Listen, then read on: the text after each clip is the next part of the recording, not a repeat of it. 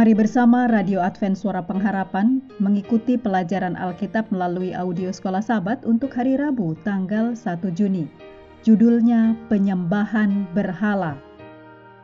Mari kita mulai dengan doa singkat yang didasarkan dari Mazmur 41 ayat 14. Terpujilah Tuhan Allah Israel dari selama-lamanya sampai selama-lamanya. Amin, ya amin.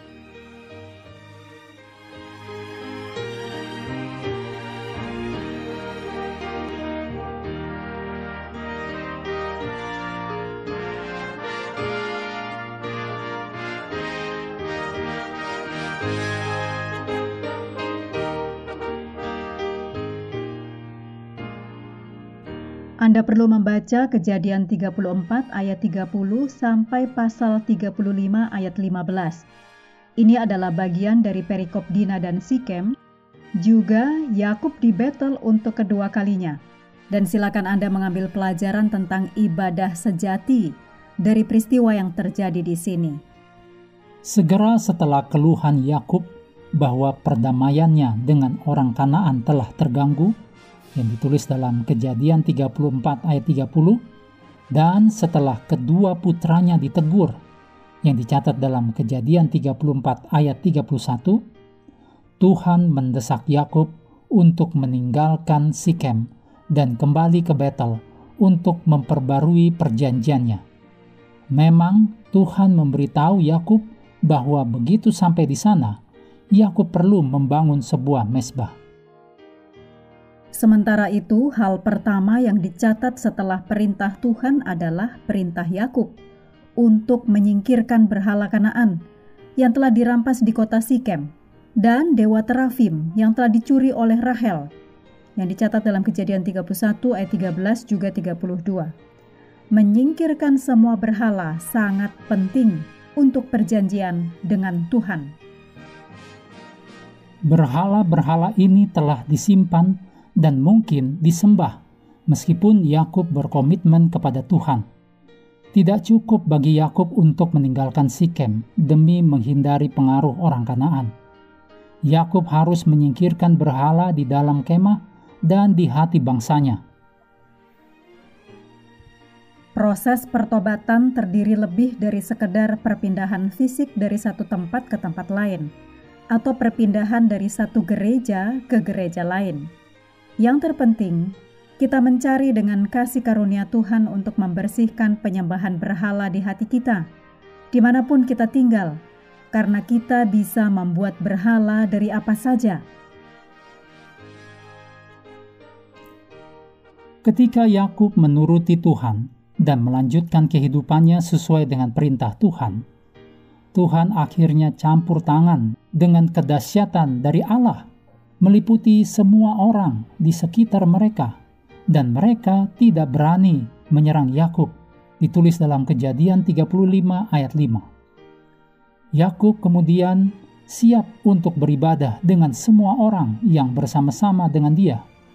Tulis dalam Kejadian 35 ayat 6. Ini menunjukkan bahwa persatuan keluarga telah dipulihkan. Yakub memberi nama tempat ini El Betel mengingat mimpinya tentang tangga, sebuah tanda bahwa hubungan kembali antara langit dan bumi yang telah terputus selama beberapa waktu kini telah dipulihkan. Penekanannya kali ini pada Tuhan di Betel daripada pada tempatnya. Catatan pribadi ini bergema lagi ketika Tuhan mengingatkan Yakub akan namanya Israel.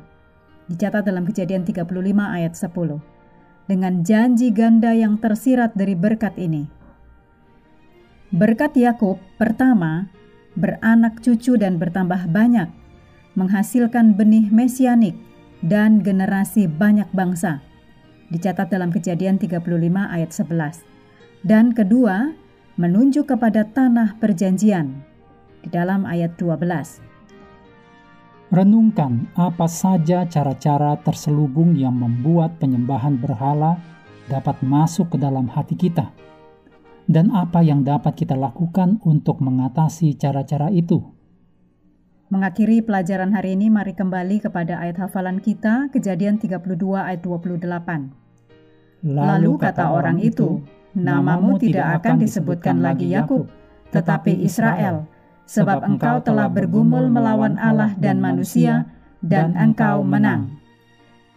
Pendengar yang dikasihi Tuhan, di tahun ke-35 pelayanan AWR Indonesia, kisah dan kesaksian pendengar terkait siaran dan pelayanan audio kami terus-menerus dikompilasi.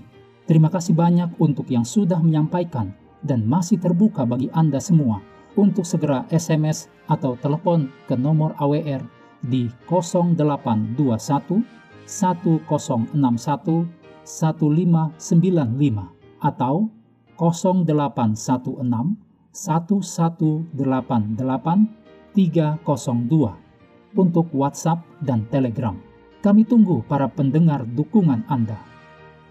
Hendaklah kita terus tekun mengambil waktu bersekutu dengan Tuhan setiap hari bersama dengan seluruh anggota keluarga, baik melalui renungan harian, pelajaran sekolah sahabat, juga bacaan Alkitab sedunia percayalah kepada nabi-nabinya, yang untuk hari ini melanjutkan dari bilangan pasal 22.